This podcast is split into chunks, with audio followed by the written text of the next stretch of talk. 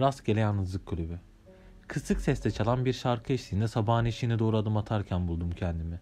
Sevmek eylemini sorguluyorum bu sıralar. Saf sevgiyi. Bir insan bir insan hiçbir beklentisi olmadan sadece saf bir şekilde Küçük Prens'in gülünü sevdiği gibi masumca sevebilir mi diye düşünüyorum. Rastgele Yalnızlık Kulübü'ne hoş geldiniz sevgili yalnız dostlarım. Sorularımızı ve duygularımızı paylaştığımız yeni bir sayıya daha hoş geldiniz. Bir yanım çok huzurlu ama diğer yanım kaygılı bu sıralar. Sevmek duygusunu hatırlayan bir insana dönüşmek üzereyim. İnsan hayatı boyunca küçük prensin gülü gibi arıyor gülünü. Bu gül herkese göre farklı anlamlar kazanıyor insan hayatında. Bazen bir eş, bazen bir arkadaş, bazense yıllarca görmediğim bir şehir.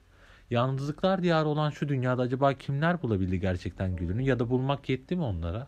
Ne yaptılar peki bulunca? Mesela Gülü hasta olduğunda onlar uykusuz kaldı mı onun nasıl olduğunu merak ettikleri için? Ya da onun başı ağrıyınca kendi başları da ağrıdı mı? Onu üzen şeyler onu üzmeye devam etmesin diye ona siper olmayı göze aldılar mı acaba? Tıpkı Küçük Prens gibi. Belki de hatırlamalıydı insanoğlu.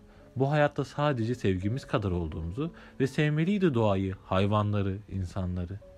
Karşılık beklememeliydi belki de sevgisine.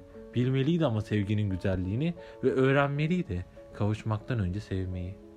Emek vermeliydi belki de büyüklerimizin dediği gibi ama mutlaka sevmeliydi bu hayatı, insanları ve bilmeliydi şu yaşadığımız günlerden belki de tek çıkış yolunun sevgi olduğunu. Yıllardır yapmadığım şey yapıp sevmeliydik şu dünyayı.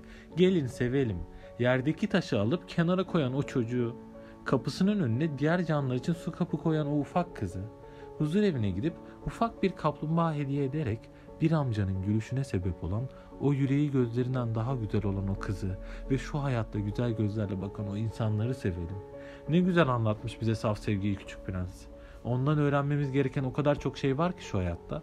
En başta da yaptığımız şey ne olursa olsun gerçekten saf duygularla yapmayı öğrenebilsek keşke.